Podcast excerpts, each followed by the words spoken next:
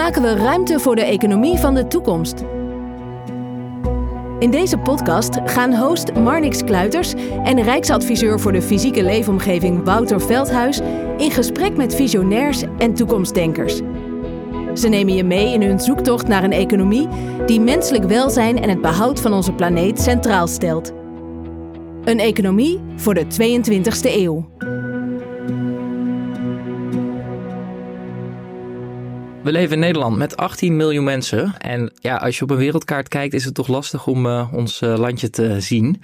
Zeker op die grote, grote wereld die we inmiddels hebben met 8 miljard mensen. Toch is het interessant in, om te kijken als je richting 2100 gaat en naar een economie van de 22e eeuw uh, daarover gaat praten. Om ook te kijken naar de geopolitieke verhoudingen. Want de wereld is ook heel erg in beweging. De Chinese invloeden, maar ook Afrika dat als continent aan het groeien is qua bevolking. en daarom is het interessant om vandaag in gesprek te gaan met Haroon Sheikh. Haroon, welkom welkom uh, in deze podcastserie ook. Dankjewel. We hebben je uitgenodigd, want je bent specialist op, ja, in geopolitieke verhoudingen. Je bent senior onderzoeker bij de Wetenschappelijke Raad voor het Regeringsbeleid. Dus je geeft uh, serieus advies aan de Nederlandse regering. Dus daar gaan we het zo over hebben, hoe die wereld in beweging is. En ook wat we daarover kunnen zeggen als we ja, toch bijna 80 jaar vooruit gaan kijken. Maar Wouter, laat ik even beginnen met jou. Ik schetste net al even, hè, Nederland toch piepklein landje. In het verleden hebben we toch ook wel eh, onze rol in de wereld gespeeld. Ik weet niet of dat altijd positief is geweest. Maar ja, waarom is, is dit toch een heel belangrijk thema? Ook als we het gaan hebben over ja, in relatie tot de fysieke leefomgeving. Nou, zeg maar, de, Nederland ligt nog steeds in die delta. En die delta is een soort netwerk tussen zee en achterland, waar we altijd een belangrijke rol hebben gespeeld in Europa, maar ook altijd een schakel zijn geweest met de rest van de wereld. En het afgelopen decennia hebben we een heel progressief mainportbeleid gevoerd, waarmee we ook heel veel allianties met de rest van de wereld hebben gelegd. Vanuit het idee grenzen gaan open, er is mondiale vrede aan het ontstaan en we kunnen hele sterke handelsrelaties opzetten. Daar is Schiphol groot mee geworden, daar is Rotterdamse haven groot mee geworden. En eigenlijk uh, heel veel bijdragend uh, bruto binnenlands product. En wat je nu ziet is dat die mainport ook enorm veel ruimte vraagt in Nederland. En we zitten nu op een, op moment dat de wereld weer in begint te rammelen. Dat er andere machten opkomen, dat grenzen weer dichtgaan. Dat het ook binnen Europa weer aan het schudden is.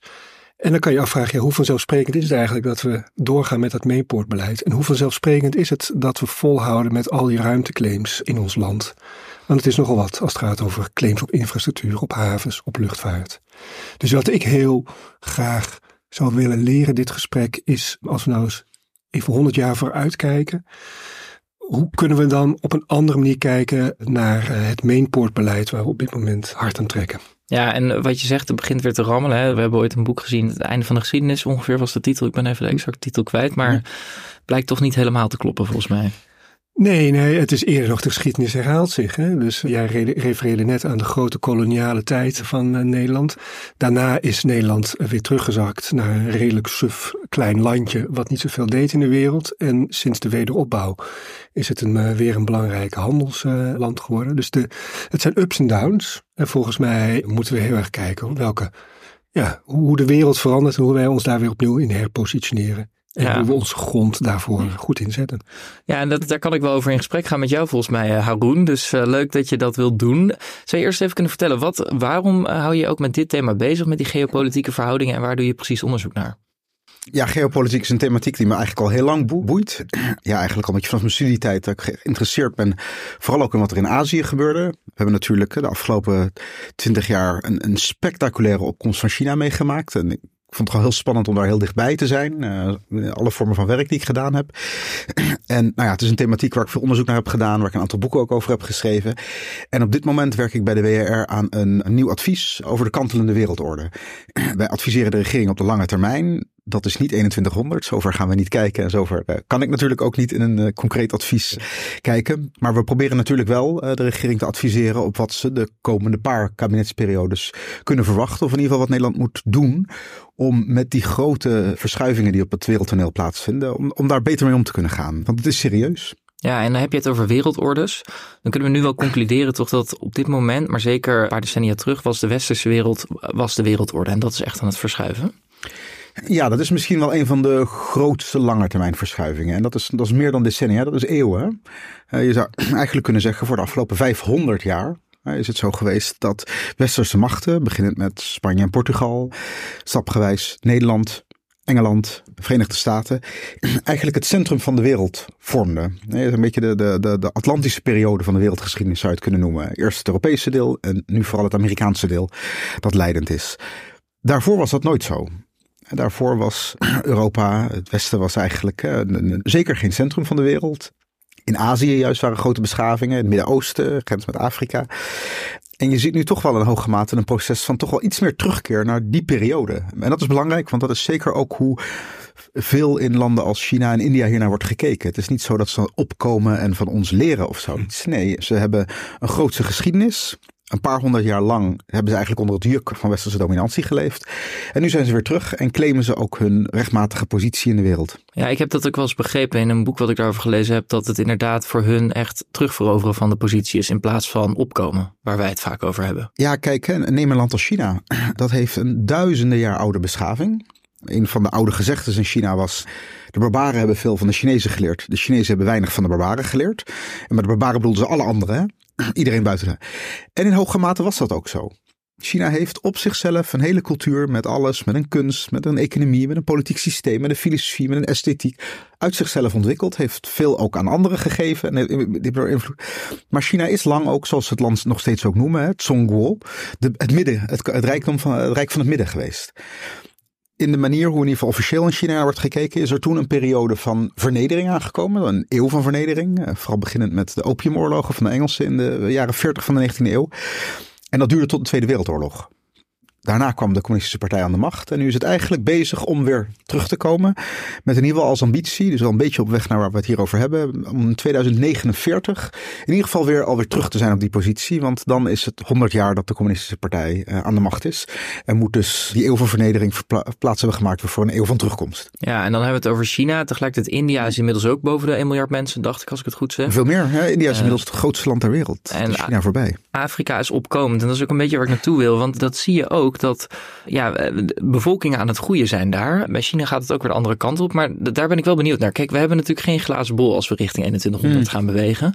Uh, dus dat kan ik ook niet van jou verlangen, uh, volgens mij, om daar hele harde uitspraken te doen. Toch denk ik wel dat je bepaalde patronen kan schetsen die er wel spelen in de wereld. Ja. Um, wat, wat kun jij nou van jou, uit jouw positie zeggen? Want je bent ook filosoof van uh, hoe gaat zo'n 2100 ernaar uitzien? Ja, nou kijk, hey, allereerst, je hebt, je hebt gelijk. Het is ongelooflijk moeilijk om de, te voorspellen, zeker als het de toekomst betreft, hè, zoals Niels Bohr zei.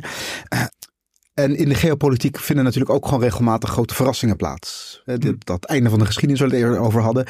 iedereen was verrast toen die Sovjet-Unie in één keer instortte.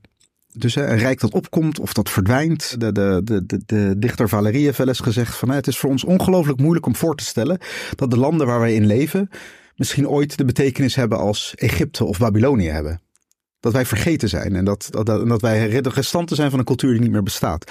Dat is heel moeilijk om voor te stellen. Vind ik als filosoof ongelooflijk interessant om je voor te stellen dat er een, een wereld is waar eh, nou, de landen en de blokken die we nu kennen misschien gewoon niet meer bestaan. En iets heel anders. Ja, ik moet, er altijd, al, kan dat? Ik, ik, moet er altijd al denken aan Grieken. Aan, weet je wel, je leert nog Grieks eh, als je gymnasium doet. Maar dat is oud Grieks, van het, waar alle filosofen ook vandaan komen. Of zeg ik als geen filosoof. Maar toch, als je ziet waar Griekenland dan nu staat en een paar jaar terug bijna failliet ja, het kan verkeren, zeg maar. Nou, zeker. Hè? En, en, ook toen trouwens hè, was er ook een soort idee van dit is eeuwig. De Grieken, vooral de Romeinen hadden dat. Hè? Als je teksten in het Romeinse Rijk leest. Het einde der tijden, er, is, er komt niks nieuws meer op Rome.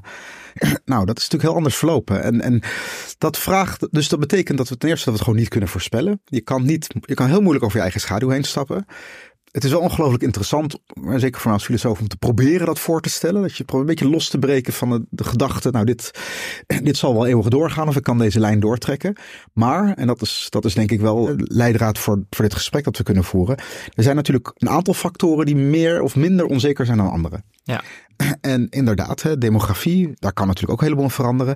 Maar het is toch wel een van de factoren waarvan je kan zeggen, daar kun je toch met minder onzekerheid dan andere factoren wat meer in de toekomst kijken. Ja, en dan ben ik wel benieuwd. Want kijk, eh, als er een pest voorbij komt of zo, en ja, ja dan valt alles weg. Maar hm. we zien er wel patronen in, toch? Want, ja, als dat dus ehm, niet gebeurt, dan hebben we, ja, kunnen we de, of voor demografie best nauwkeurig wel echt lange termijn voorspellingen doen. Dat doen we ook best al een tijd. Ja, en wat je dan ziet als je dan vooruitkijkt naar 2100. Dan zie je dat hè, de, de, wereldbevolking als geheel nog behoorlijk zal groeien. Maar in andere delen van de wereld. Eigenlijk zou ik kunnen zeggen, in de 19e eeuw was het Europa en het Westen dat een enorme expansie doormaakte. In de 20e eeuw was het Azië. En dat is nog in enige zin nog een beetje, maar vooral Afrika is het nu eigenlijk. Concreet wat betekent dat? China is nu net voorbij gegaan door India als grootste land van de wereld. Maar in 2100 zou het land kunnen halveren terugvallen naar 700 miljoen mensen. Eh, dat is waar de demografie nu naar wijst. Als gevolg van laag geboortecijfers, deels de een-kindpolitiek, vergrijzing. Dus dat zegt al wel iets over de positie van het land. het is daarmee nog steeds het tweede grootste land van de wereld en, en een grootmacht ongetwijfeld. Maar niet meer hm. zo groot als bijvoorbeeld in India, dat dan echt twee keer zo groot is. En nog een veel jongere bevolking ook heeft. Twee keer zo groot als nu die ruim 1 miljard waar ik het net over had. Dus nee, twee keer zo groot als China dan. Oh, dus India zal ongeveer op iets van 1,5 miljard zitten dan in die periode. Dus dat is niet veel groei meer van nu, maar gewoon een beetje wat gestage groei. Dat zal India doormaken. Maar in Afrika zal echt de groei enorm zijn de komende decennia. Dat is, daar hebben we het over echt van 1 eh, miljard mensen naar 2 naar 4. Uh, een aantal landen, eh, Nigeria, zullen meer mensen hebben dan de hele, heel Europa, of de Europese Unie in ieder geval, bij elkaar. ja, in 2100 zal volgens mij in de top 20 geen Europees land meer zitten. Dus dit is heel wat andere landen zullen groter zijn. En dat zegt natuurlijk wat over de machtsverhoudingen. Als je gewoon dit, dit toplijstje impliceert dat als er niks geks gebeurt, ja, we toch in een wereld leven met grootmacht India. Ja, en uh, heel even kort het proces. Want wat ik altijd begrepen heb is, uh, kinderen zijn een soort pensioenvoorziening. Dus je moet er veel krijgen, want er gaan er veel dood. Dus als jij graag verzorgd wil worden later, dan heb je een paar kinderen nodig die dat voor je doen. Hm. Op een gegeven moment, als je je dan ontwikkelt als samenleving, dan krijg je een samenleving waarin jij door anderen uh, verzorgd kan worden. En waar technologie ook een rol speelt. En dan heb je die kinderen niet meer nodig en dan gaat je bevolking krimpen. Is, is dat een, goede samenvatting? Of, ja, dat pakt denk ik veel van uh, wat, wat wel eens een soort van de demografische transitie wordt genoemd. Uh, dat beschrijft het proces denk ik mooi. En daardoor ga je door een aantal stappen. Je zou kunnen zeggen, een, een meer traditionele of niet moderne samenleving heeft een hoog geboortecijfer en een hoog sterftecijfer. Mensen krijgen veel kinderen, want ze willen een verzekering hebben. Maar door de gezondheidsconditie, door de armoede, sterven er ook veel van. Dus die, die bevolking is redelijk stabiel. Het eerste wat gebeurt is dat een land iets welvarender wordt. De sanitair wordt beter, het inkomen wordt beter van mensen, voedselvoorziening wordt beter. En dan blijft het geboortecijfer hoog, maar het sterftecijfer keldert. En dan zie je dus die explosie. Dat is eigenlijk wat er nu in Afrika aan de hand is. dat is wat er in de 20e eeuw in China en uh, India gebeurde. Toen met z'n allen bang waren met de Club van Rome. Dat er gewoon te veel monden waren om te voeden. Nou, dat proces gaat dan door. Dan wordt er heel veel kinderen, heel veel jonge mensen. Dat betekent ook dat je ongelooflijk productief kan zijn. Want op een gegeven moment heb je, je krijgt minder kinderen, maar je hebt nog ook heel weinig 65-plussers. Maar iedereen kan eigenlijk werken. Nou, dan ben je eigenlijk op je productiefst. Dat is een beetje het punt waar China eigenlijk de laatste decennia van veel van geprofiteerd. En waar India nu een beetje in zit te komen. Eigenlijk het moment van de krachtigste positie in je demografie. En dan langzaam zie je eigenlijk hè, dat, dus dat, dat, dat geboortecijfer daalt. Mensen, kinderen zijn inderdaad niet meer je verzekering en ze gaan ook vooral heel veel kosten. Het platteland is een kind zodra het kan lopen, is het een productieve kracht al een beetje en kan het je helpen. In de stad moet je tot zoveel jaar betalen voor het onderwijs en daarna gaat hij er vandoor. Dus doe je kinderen omdat je ze wil, maar niet omdat ze financieel is eigenlijk een, eh, een last. Nou, dat proces zorgt er dus voor dat mensen er minder kinderen gaan krijgen.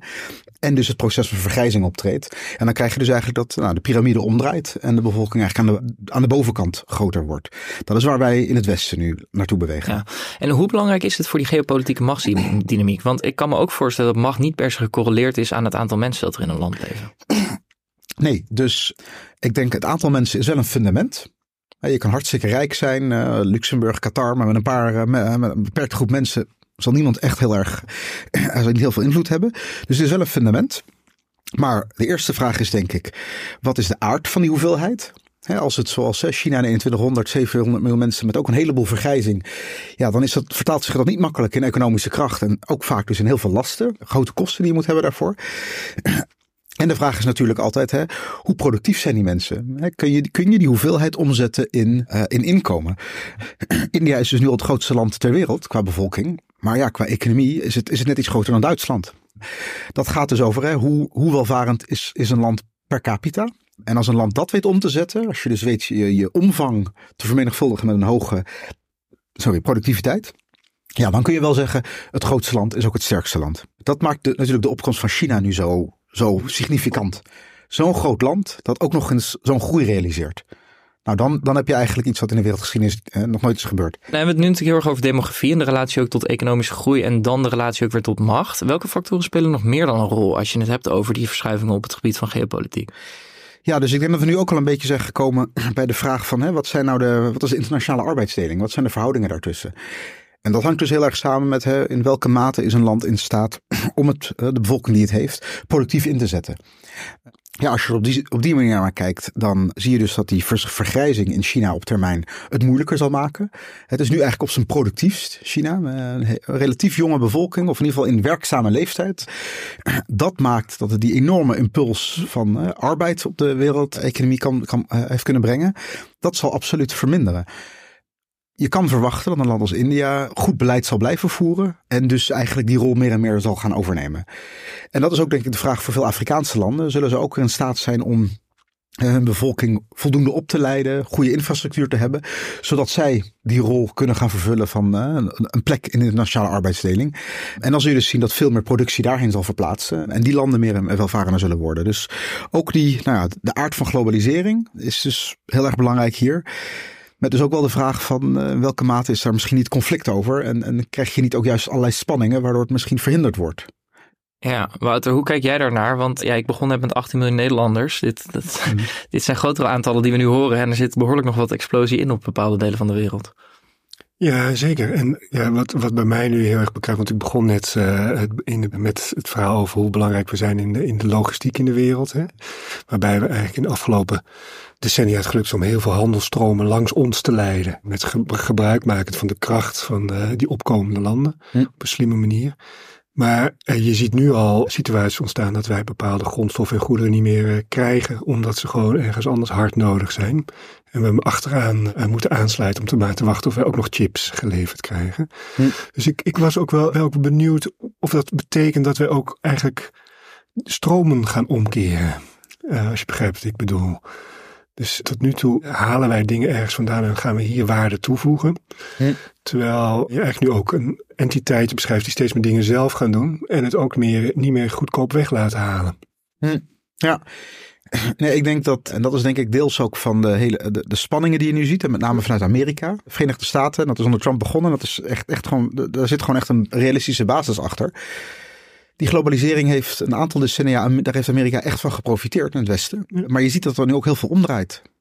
Wat dus ook betekent dat hè, meer openheid ook juist kan betekenen dat je industrieën verliest. Dat je toegevoegde waarde naar anderen toe gaat. Dat heel veel van je eigen arbeid eigenlijk overbodig wordt. En dat proces is zeker wel ingezet. Het is zelfs officieel Chinees beleid. In het, in het laatste vijfjarenplan heet dit eh, dual circulation. En dat, daarmee bedoelen Chinezen, er zijn twee cirkels in de economie. Een binnenlandse cirkel, en dat gaat over alles wat nodig is om China zelf te kunnen laten draaien. En die moet gesloten worden voor de Chinezen. Dat betekent dus hè, dat het kan niet zo zijn dat als zij chips nodig hebben voor bepaalde machines of laptops, dat ze die daarvan afhankelijk blijven van anderen. Zij willen het allemaal zelf kunnen doen. En de tweede cirkel is de mondiale cirkel, de internationale handel. En daar willen ze juist zo strategisch mogelijk gepositioneerd zijn ten opzichte van anderen. Dus ja, dat proces van opklimmen, dat, dat is, is gaande. De hele kwesties die zoals die nu rondom eh, ASML Nederland spelen, hangen hier natuurlijk ook mee samen. Hè. Daar heeft Nederland een hele sterke, uitzonderlijke positie. En tegelijkertijd zie je dus ook, hè, als gevolg van alle druk, dat China heel hard probeert om daar een, op termijn een alternatief voor te ontwikkelen. En het geval met China is natuurlijk wel, het is al een land dat dit kan. Ik bedoel, toen Japan opkwam was iedereen ook bang voor. Maar uiteindelijk heeft het land, uh, dat is het, uh, ik denk 2,5 keer zo weinig mensen als de Verenigde Staten heeft. Dus het kan in een aantal sectoren groot worden, maar niet in alles. Ja. In China kan het wel. Wat ik wel interessant vind, wat jij zegt over die binnenlandse cirkel. Ik heb ja, laatst een ander interview wat ik met iemand deed uh, over grondstoffen tot en met eindproduct. Hm. Begrepen dat Nederland en, en de westerse wereld eigenlijk in zich heel volgens mij juist altijd ergens in die keten afhankelijk is van China om producten te krijgen. Ja, dus voor grondstoffen zeker ook. Hè. Ik bedoel, grondstoffen zijn natuurlijk ook altijd een groot vraagstuk in, in, in de geopolitieke verhoudingen. Dat, de hele Tweede Wereldoorlog kun je heel veel daarvan kun je ook qua strategie kun je begrijpen in termen van toegang tot olie, eh, daarvoor kolen, staal. grondstoffen zijn cruciaal voor landen en daarmee dus ook een belangrijke inzet van uh, geopolitiek conflict. Wat je nu ziet is dat we de huidige economie, en dan heb ik het over digitalisering, maar ook over duurzaamheid, vraagt weer andersoortige grondstoffen. En dan heb je het over uh, nou, dingen als eh, lithium en kobalt. Maar vooral ook wat bekend staat als de zeldzame aardmetalen. Die zijn gek genoeg niet zeldzaam. Ze zijn overal te vinden. Alleen zeldzaam slaat op het feit dat ze in lage concentraties in de aarde zitten. Wat betekent dat het heel moeilijk is om ze eruit te halen. En degene die het meest efficiënt doet, domineert eigenlijk de markt. Ja. En dat is China. En wat we natuurlijk hebben gezien in die gascrisis is dat Rusland de gaskraan dichtdraaide en dat wij uh, ja, niet heel gelukkig meer waren hier, uh, op zijn zachtst gezegd. Die afhankelijkheid is wel interessant, want we, ik refereerde net al even aan een boek, The End of History, hm. waarin eigenlijk die liberale samenleving, die toch ook wel heel erg draait op vrijhandel, uh, waarbij hè, jij kan daar iets beter, wij hier, dan wisselen we dat uit. Terwijl ik hoor jou praten over China, die met hele strategische geopolitieke machtsdynamieken bezig is. Dat is een totaal andere filosofie dan, toch? Ja, ik denk dat we die wereld die we vanaf de jaren 80, 90 hebben gehad en het, het, wereldbeeld dat daarbij hoort, dat we daar nu van ontwaken en erachter komen dat er toch echt wel een heleboel vraagtekens bij te plaatsen zijn. De economie is sowieso altijd wel ingebed in nationaal belang en, en, strategische overwegingen. Is het ook altijd voor ons geweest. We moeten het zelf niet voor de gek houden. We hebben ook vaak genoeg, en dat, dat, kunnen landen in Afrika eh, ons, ons makkelijk vertellen. Wij hebben niet altijd volgens de regels gespeeld, maar hebben onze eigen belangen gediend. Nu merken we alleen dat anderen dat ook in hoge mate doen. En ik denk een van de dingen die we leren is dat we in de jaren negentig dachten, wederzijds afhankelijkheid leidt tot vreedzame relaties. Dat is misschien zo, maar waar we te weinig oog voor hebben gehad, is dat een heleboel afhankelijkheden asymmetrisch zijn. Dus die zijn eigenlijk niet zo wederzijds. Wat Rusland probeerde, minder goed gelukt dan ze dachten, maar wat ze probeerde, wat ze, waar ze vanuit gingen was de anders afhankelijkheid van gas is groter dan onze afhankelijkheid van, van, van dollars. Wij kunnen langer zonder dollars dan zij kunnen zonder warmte.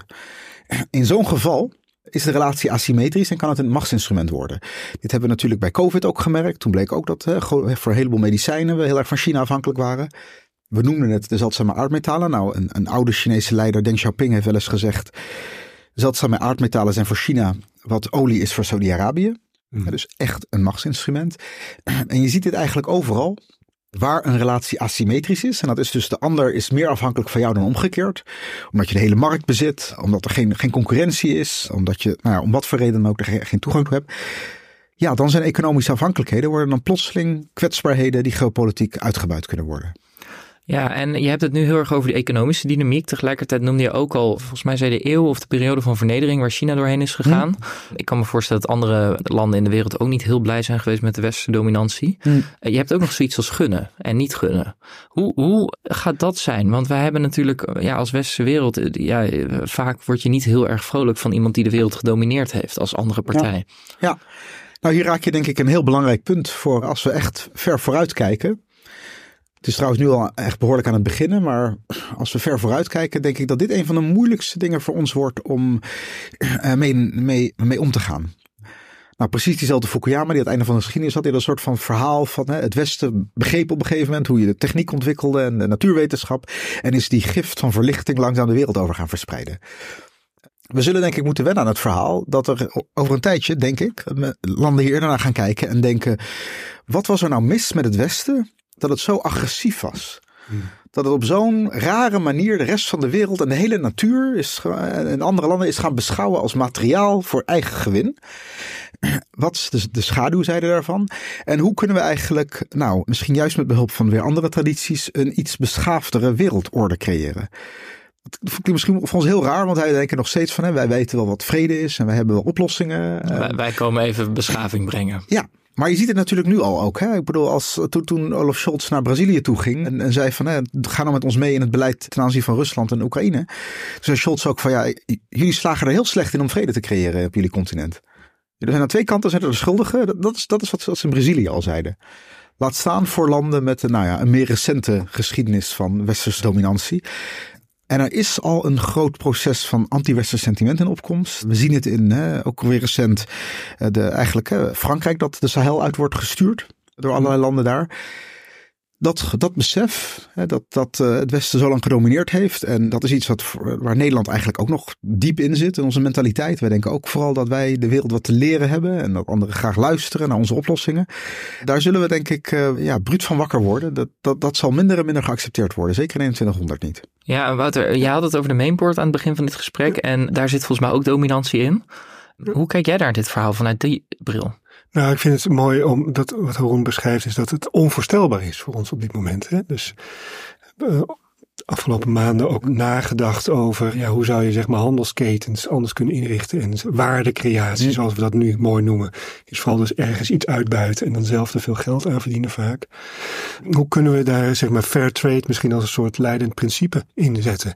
En dan reageert de sector, de logistieke sector gelijk van, dat is het einde van onze, ons bestaansrecht. Hm.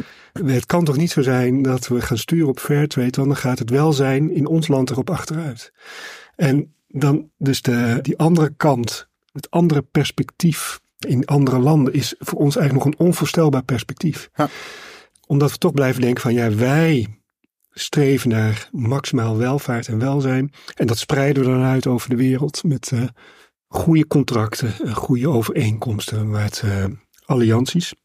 En ik, ik, ik, ik, ik vind dat ontzettend. Ik merk dat we daar gewoon niet doorheen komen door dat denken. Omdat we toch een, echt een, een, een eigen beeld hebben van wij zijn gewoon goed. En de rest zal ervan profiteren. Terwijl dat vanuit dat perspectief gezien van die anderen misschien wel niet zo is. Ja. Dus ik vraag me ook af, hoe komen we daar doorheen? Of zal het echt alleen maar met pijn zijn? Dat denk ik. Ik denk dat, dat we er gewoon niet meer mee wegkomen. Ja. We, voor ons kwamen we ermee weg door te denken dat we het goede deden. En ondertussen, nou wat je zegt, eigenlijk helemaal niet fair trade deden. Maar op allerlei manieren echt voor ons eigen belang alleen bezig waren. Dat, dat, doet iedereen overal hoor. Alleen wij deden dat altijd met een soort gevoel van tegelijkertijd doen we eigenlijk ook vooral goed. Dus iedereen moet iedereen hier blij mee zijn. En het grote verschil is dat, dat de positie van anderen veranderd is. Ze hoeven het niet meer te accepteren. En dat is denk ik dus waar je nu al langzaam de tekenen van ziet. In zo'n reactie van Lula da Silva tegen Scholz. In zo'n reactie van Sahellanden tegen de, de, aanwezigheid van Franse soldaten. We krijgen gewoon te horen, we, zo werkt het niet meer. Ja.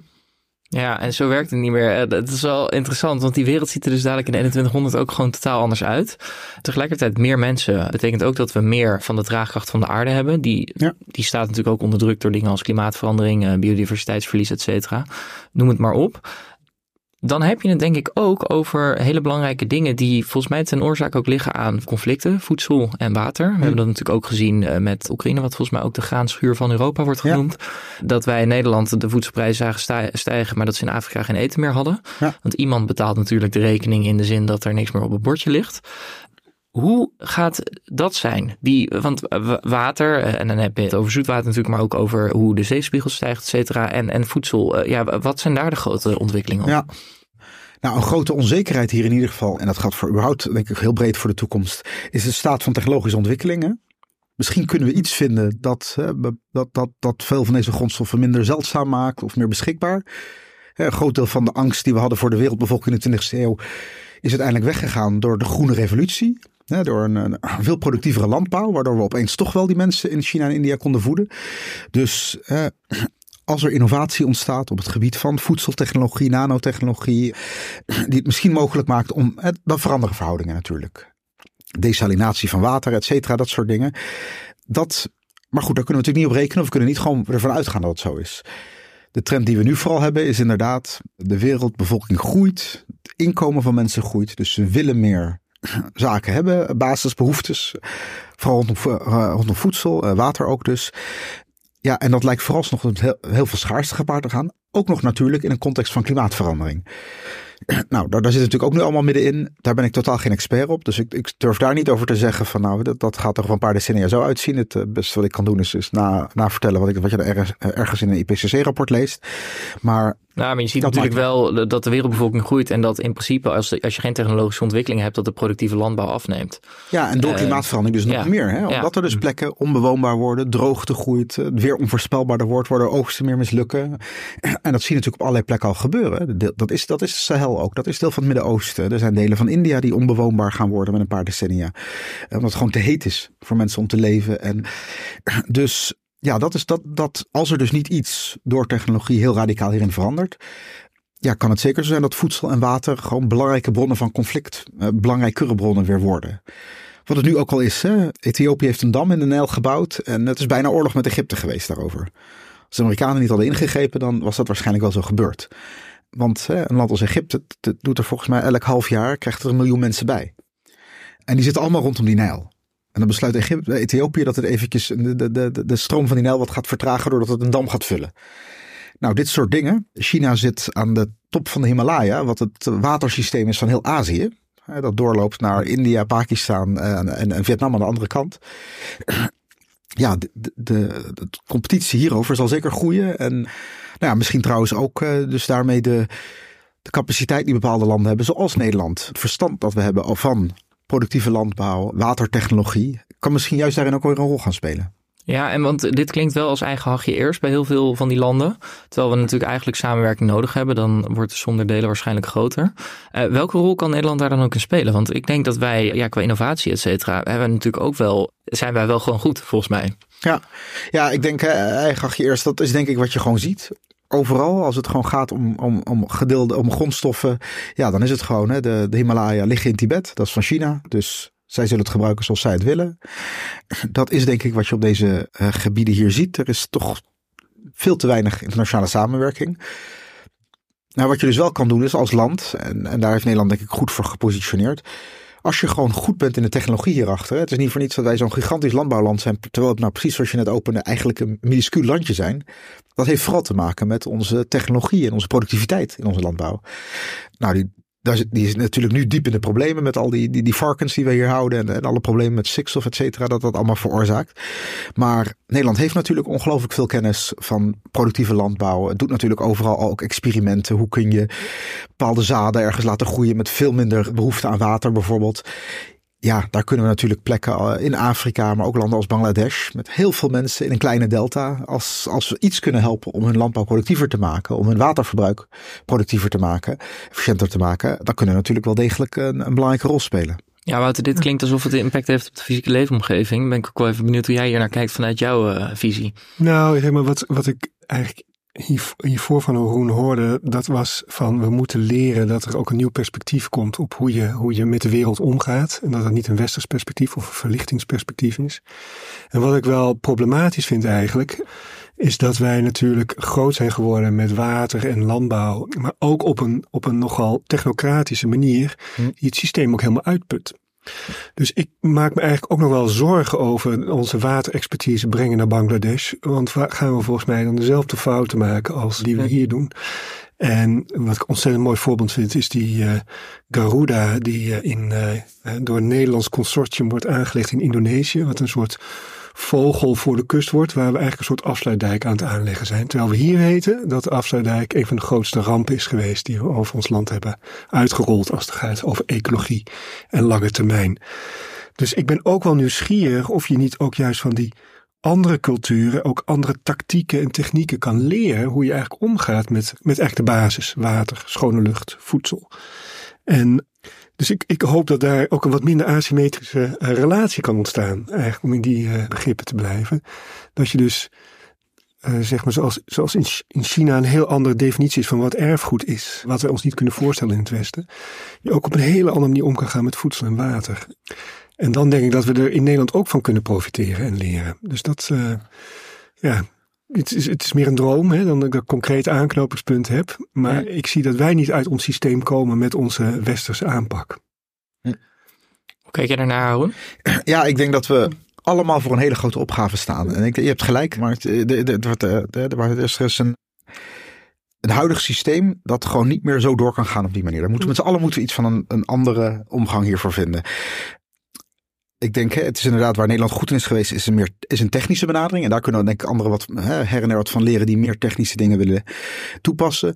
Tegelijkertijd, hè, het, het moet op een andere manier. En ik denk dat het in die zin wel ja, interessant is om te kijken wat in andere culturen gaan meebrengen vanuit hun eigen tradities, hoe ergens mee om te gaan. Hè. Dat, dat speelt denk ik op allerlei domeinen. Of het nou is hoe je omgaat met de natuur en hoe je daarmee, daarnaar kijkt. Er is vaak gezegd dat in het Westen juist ook een beetje vanuit een soort van, hè, door de geschiedenis van het christendom, de natuur een beetje is gaan, dat die zijn gaan zien als een soort van schepping die er voor ons is. Mhm. Terwijl ja, er in Azië veel meer circulaire beelden zijn, waarbij e-, wij echt onderdeel van de natuur zijn, daar respect voor moeten hebben, een andere omgang mee hebben. Tot aan, nou ja, ook gewoon hè, ons hele systeem van zorg en onderwijs, hoe daarnaar te kijken. Nou, daar zitten denk ik hele interessante ideeën in, in allerlei andere traditionele culturen, die veel ja, je zou kunnen zeggen, wat meer in de natuur ingebed zijn. En niet vanuit een soort van externe benadering als een machine die gaat optimaliseren. Want dat is toch een beetje ook uh, ja, hoe, hoe, wij met onszelf omgaan. En we lopen daar toch wel tegen de grenzen van aan, ja. Ja, waar je het dan denk ik ook over hebt is kapitalisme. Een van die dingen in het kapitalisme zien we nu dat uh, Twitter veranderd is in X. Dat het opgekocht is door een ja, Amerikaans, Zuid-Afrikaans miljardair. Ik weet niet precies wat, wat, voor nationaliteit hij nu heeft, maar Elon Musk. En Wouter, ik vind het ontzettend interessant. Want ik heb jou een keer aan de lijn gehad. Of uh, ja, volgens mij was het telefoon, ze hebben dat in de podcast nog niet behandeld. Maar toen zei hij, ja, Twitter is niet meer zomaar een siteje. Dat is gewoon wezenlijk onderdeel van ons leven geworden. En daar had je een heel interessant voorbeeld bij. Ja, nou ja, wat we in de afgelopen tien jaar natuurlijk gemerkt hebben, is dat we met heel veel enthousiasme die nieuwe media hebben omarmd. En dat gezien hebben als een soort nieuwe stads, nieuwe openbare ruimte waar we met elkaar informatie kunnen delen. En eigenlijk nooit hebben vragen hebben gesteld ja, van wie is die openbare ruimte eigenlijk? Is die openbaar of privaat? En ja, wat ik recent heel schokkend vond, was dat er, uh, er was iets aan de hand uh, in Amsterdam. De actualiteit ging snel. Ik weet eerlijk gezegd niet meer wat voor gebeurtenis het was. Maar als je op de hoogte wilde blijven van de snelle verandering in de situatie, adviseerde de gemeente Amsterdam om op Twitter te kijken naar uh, de post van de gemeente Amsterdam. Terwijl de gemeente Amsterdam zelf natuurlijk ook gewoon een kanalen heeft om ons op de hoogte te stellen. Notabene een televisiezender in de lucht houdt, AT5, waar je dat zou kunnen uitsturen. En dus echt schokkend. Eigenlijk een, een, een digitaal kanaal van een magnaat uit Amerika gebruikt om een boodschap over Nederland eh, of over Amsterdam te versturen. Ik, ik vond dat, dat we daar zo makkelijk ingerold zijn. Zegt ook wel iets over hoe, hoe ontvankelijk we zijn voor nieuwe dingen. En hoe, hoe kritiekloos we daar ook graag in meegaan. En Marleen Stikker heeft er natuurlijk ook heel veel uh, over gezegd in de afgelopen jaren. Dat we gewoon ook in de digitale wereld hard moeten gaan werken. Publieke infrastructuur. Ja, en dat vind ik het interessante voorbeeld hieraan, ook richting jou, Haroon. Want dit, dit laat zien dat privaat eigendom best wel wezenlijk onderdeel wordt van de infrastructuur. Hm. En volgens mij is dat een trend die je wel meer ziet. Hè? Dat, dat we best wel moeten kijken ook naar wie nou eigenaar is van de infrastructuur waarover wij ons heen bewegen. Of het nou digitaal is of, ja, of fysiek. Op, allerlei plekken, hè? digitaal. Hè? Dus diezelfde miljardair van, eh, van X, die is ook degene die mogelijk maakt dat het Oekraïnse leger communiceert met zijn Starlink-satellieten. Dat is de manier waarop Oekraïne nog. Dus, dus een groot deel van de oorlog wordt ook beslist door de, de grimmen van deze toch al excentrieke man.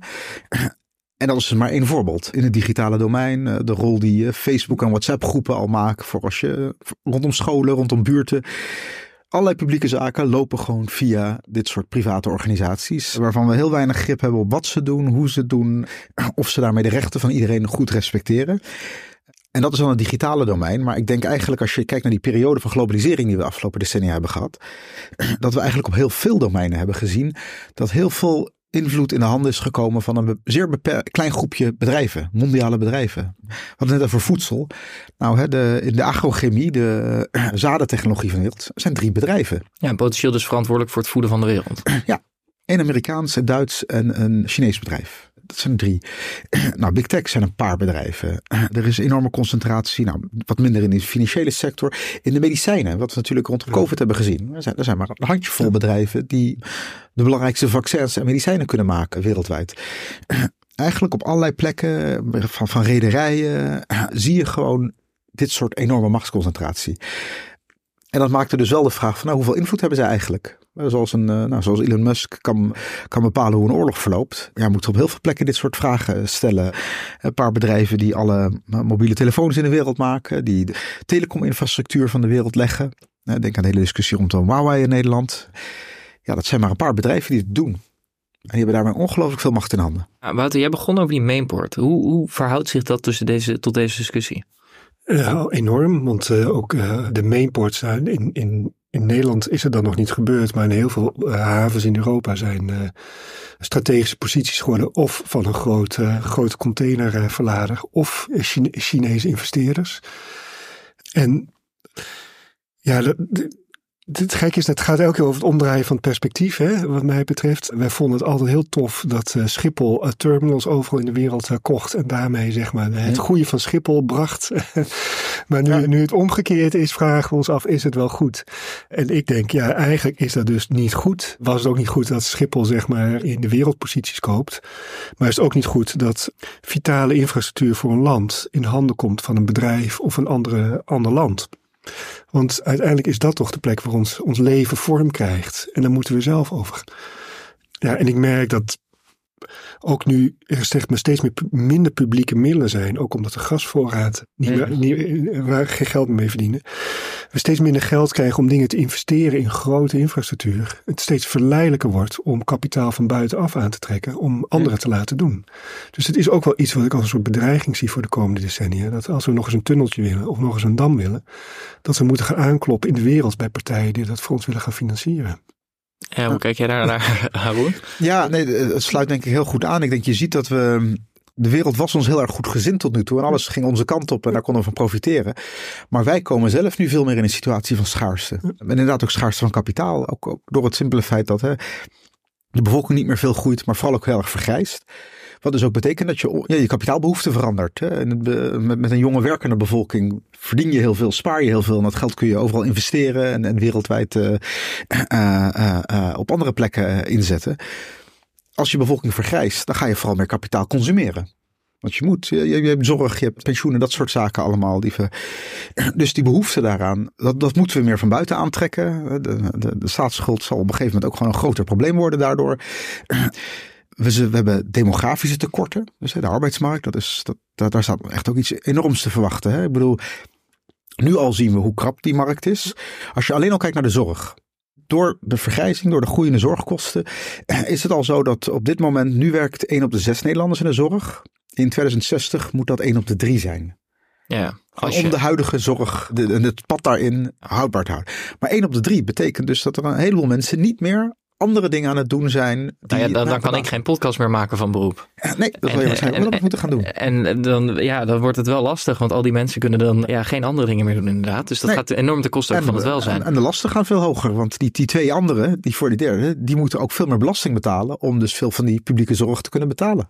Dan gaan we het in een ander gesprek nog hebben over migratie, want dat, dat speelt natuurlijk ook een hele grote rol daarin. Want ja, de wereldbevolking groeit nog wel, dus er zijn wel mensen. De vraag is alleen of wij dat willen en uh, hoe dat zit, maar dat voor een andere keer. Waar ik wel nog even naartoe wil, is ook dat strategisch nadenken. Hè? Want we merken, de wereld was ons heel goed gezind. En ja, door vergrijzende samenleving, misschien dat niet iedereen dus ook meer alles aan het Westen gunt. Wel? Want ja, er is ook anti-westerse uh, sentiment aan ontstaan. We dachten dat we er wel waren. Hè? Dat de wereld, hoe wij dat zagen, dat dat wel het beste was voor de hele wereld. Nou, blijkt dat we daarvan een beetje terugkomen. Jij adviseert ook de regering. Als we nou ook een beetje richting die verre toekomst kijken, dan zullen we toch ook strategisch moeten gaan nadenken over wat we wel en niet doen. Wat vind je dat we daarin moeten doen? Want dat is wel een belangrijke rol die we volgens mij iets te veel links hebben laten liggen. En waar China dus bijvoorbeeld, wat je al zei, totaal anders mee omgegaan is. Ja. Ja, ik denk dat dit echt een veel belangrijker thema wordt. En dat hebben we in het verleden juist omdat de omgeving ons zo goed gezind was, dachten we dat dat niet nodig was. Alle goede dingen kwamen samen. De wereld werd democratischer, de economieën werden opener, Europa werd groter, internationale instituties versterkten zich. Dus de wereld ging onze kant op en dus konden we daar lekker ook zelf van profiteren. Nou, we hebben net op allerlei manieren gehad over dingen die zich tegen ons keren, schaarste die we krijgen, een, een terugslag die we krijgen in qua, qua mentaliteit van uh, andere delen van de wereld. We kunnen dus denk ik minder vertrouwen dat dingen uh, goed lopen voor ons. En dat vraagt, denk ik, een veel meer strategisch beleid om met die schaarste om te gaan, om daarop vooruit te sorteren. Dat wordt dus in China inderdaad veel meer gedaan. Ik, ik, ik, lees met plezier allerlei Chinese beleidsdocumenten. Dat is soms hm. bizar hoeveel. Ze hebben beleidsdocumenten tot 2100 trouwens. Ik heb wel eens een technologie roadmap vanuit China gezien. Dat proberen ze echt wel voor te stellen in welk moment nanotechnologie groot wordt en wanneer ruimtetechnologie heel groot wordt. Nou, dat zijn allemaal speculaties, maar het geeft wel aan een zekere durf om vooruit te kijken. En wij zullen die, dat, dat denk ik ook veel meer moeten, moeten leren. Je ziet nu al dat het tot allerlei problemen leidt. En nou ja, we hebben het net al even aangeraakt. Onze economie moet er anders uitzien. Je kan niet meer gebaseerd zijn op het in bulk produceren van voedsel of andere uh, zaken die eigenlijk weinig toegevoegde waarde hebben. Die een enorme belasting op de wereld veroorzaken. En waarmee we onszelf ook niet echt toekomstbestendig maken. Dus als het schaarser wordt, zullen we denk ik veel meer beslissingen moeten nemen. En dat zal dus ook betekenen dat we moeten zeggen van nou misschien moeten we de bepaalde dingen gewoon niet meer gaan doen.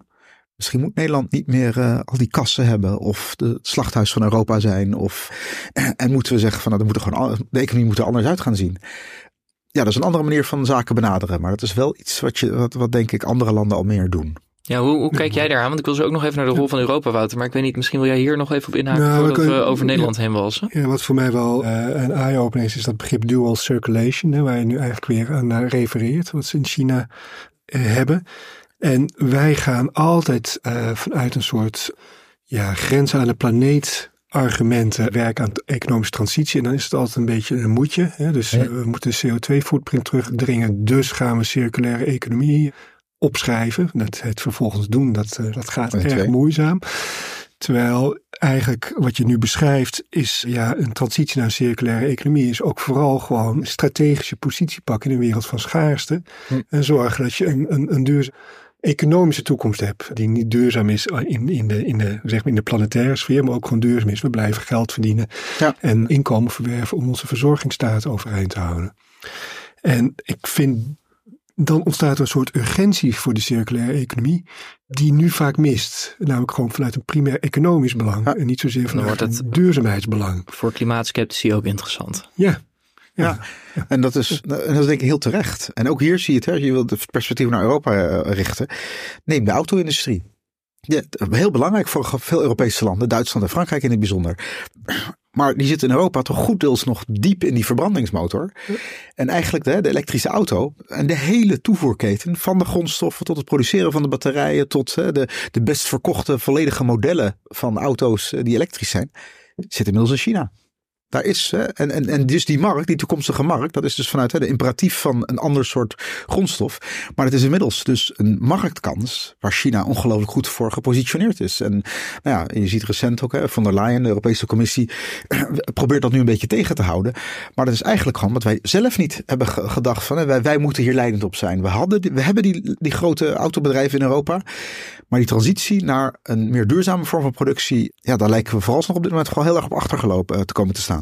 Ja, we hebben allemaal mooie woorden natuurlijk. Ik begon het gesprek met 18, 18 miljoen mensen, klein landje wat we zijn. Hoe belangrijk is het uh, dat wij samenwerken, uh, als je nou hebt over machtspolitiek, met Europa? Ja, cruciaal. Als je dus die lijnen die we net besproken hebben doortrekt, ja, dan zie je gewoon dat de, de, de verhoudingen veranderen, dat er zulke grote blokken ontstaan. Ja, daar, daar, daar zal Nederland zelf niet heel veel in kunnen beïnvloeden. Europa als geheel vooralsnog wel, alhoewel natuurlijk in toenemende mate minder. Hè. Europa's positie, positie, wordt kleiner. Zelfs ten opzichte van de VS. Hè. De VS is een, groeit een stuk harder hm. dan wij dat doen. Dus we verliezen terrein daaraan. Maar goed, als Europa hebben we zeker een, een eh, positie.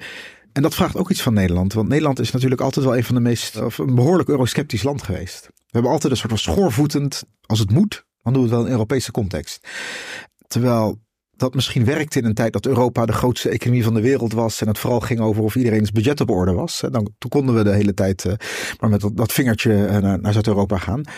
Maar er staat nu wel wat groters op het spel. En dat betekent dat we misschien soms eventjes nou, die mentaliteit wat, wat laten liggen. En ergens gewoon zien van dat we gewoon ook wel eens wat moeten toegeven. Om te zorgen dat Europa sterker wordt in de nieuwe verhoudingen. Ja, en dan iets minder soevereiniteit, misschien maar meer autonomie dan doordat je samenwerkt en uh, ja, het, het, poelen van die soevereiniteit om zo hopen iets meer autonoom te worden. Ja. ja. Wouter, om bij jou een beetje af te sluiten ook. Want we hebben het ook over fysieke leefomgeving gehad. Toch even terug naar Nederland. Wij hebben natuurlijk een bepaalde verantwoordelijkheid naar de wereld. We hebben de wereld denk ik ook wel iets te brengen. Hoe, hoe kijk jij naar dit hele verhaal? Nou, met, met, met veel vertwijfeling. dus de onzekerheden zijn zo groot, maar zo fundamenteel, dat je je echt afvraagt van ja, hoe moeten we daar nu in Nederland ons in gaan positioneren? En dan kom ik toch, denk, dan kom ik toch weer terug bij de basis. Dat ja, eh, met name zeg maar die, die delta en die vruchtbare grond en het gunstige klimaat. Dat zijn een soort natuurlijke assets die we hier hebben. Net zo goed als we afgelopen vijf jaar de natuurlijke asset gasbel hadden, waar we maximaal van geprofiteerd hebben. Ik denk van ja, we moeten op een of andere manier die ligging in die delta en die vruchtbare gronden en uh, het, gunstige milde klimaat echt inzetten om uh, een rol in Europa te spelen, primair. En ik vind ook de. Ja, we hadden het net even over e Egypte en, uh, en de Dam. Ja, ik, ik zie in Nederland het, het, het, is er nog niet, maar voor het weet zitten we toch in dezelfde overlegssituatie, zal ik maar even noemen, met Duitsland. Waarbij de gletsjerrivieren regenrivieren worden. En ook in Duitsland een, een, een zoetwatervraagstuk zich gaat aandienen. En ze misschien ook al dammen gaan bouwen die onze delta gaan bedreigen. En dan wordt het ook een stuk minder leuk in Europa plotseling. Ja. En dus het begrip gunnen, elkaar wat gunnen en gegund krijgen, dat vond ik eigenlijk nog wel net een belangrijk begrip. Dus laten we in ieder geval die, die, die culturele familiariteit in, in Europa goed vastpakken met elkaar. Om elkaar ook wat te gunnen. En het zuiden en het noorden en het westen en het oosten van Europa toch met elkaar, ja, elkaar goed vasthouden. En kijken hoe we dat, uh, eigenlijk die natuurlijke voorsprong van verschillende plekken maximaal kunnen benutten voor elkaar. In plaats van dat je het elkaar probeert af te pakken. En dan kom ik toch heel, ja, dan denk je, dat ging honderd jaar geleden ook. Toen Duitsland ons nodig had als doorvoerhaven voor een grote industriële revolutie. Dus dat moeten we nu ook weer kunnen. Maar daartussendoor zaten wel twee wereldoorlogen. dus het is niet helemaal zonder slag of stoot gegaan. Hè? Nou, dat doet me toch weer denken aan wat jij net zei, eh, Haroon. Van, uh, het is geen gegeven dat uh, rijken als Egypte of, of, de Grieken, of waar we het ook over hadden, dat dat maar consistent is. Dus ja, uh, we, we zouden ons kunnen voor. Ja, het, is, het is pijnlijk, en, en, maar het is ook denk ik leerzaam om je een wereld voor te stellen waarin misschien landen als Duitsland, Frankrijk of Nederland niet meer bestaan of iets anders zijn.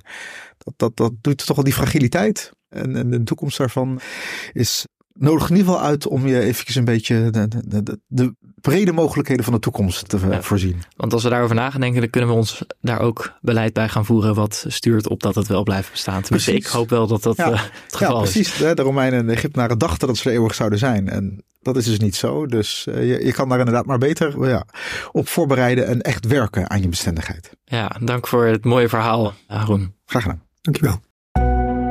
Een economie voor de 22e eeuw is een podcast van het College van Rijksadviseurs. Zoek ons op in je favoriete podcast-app of kijk op collegevanrijksadviseurs.nl.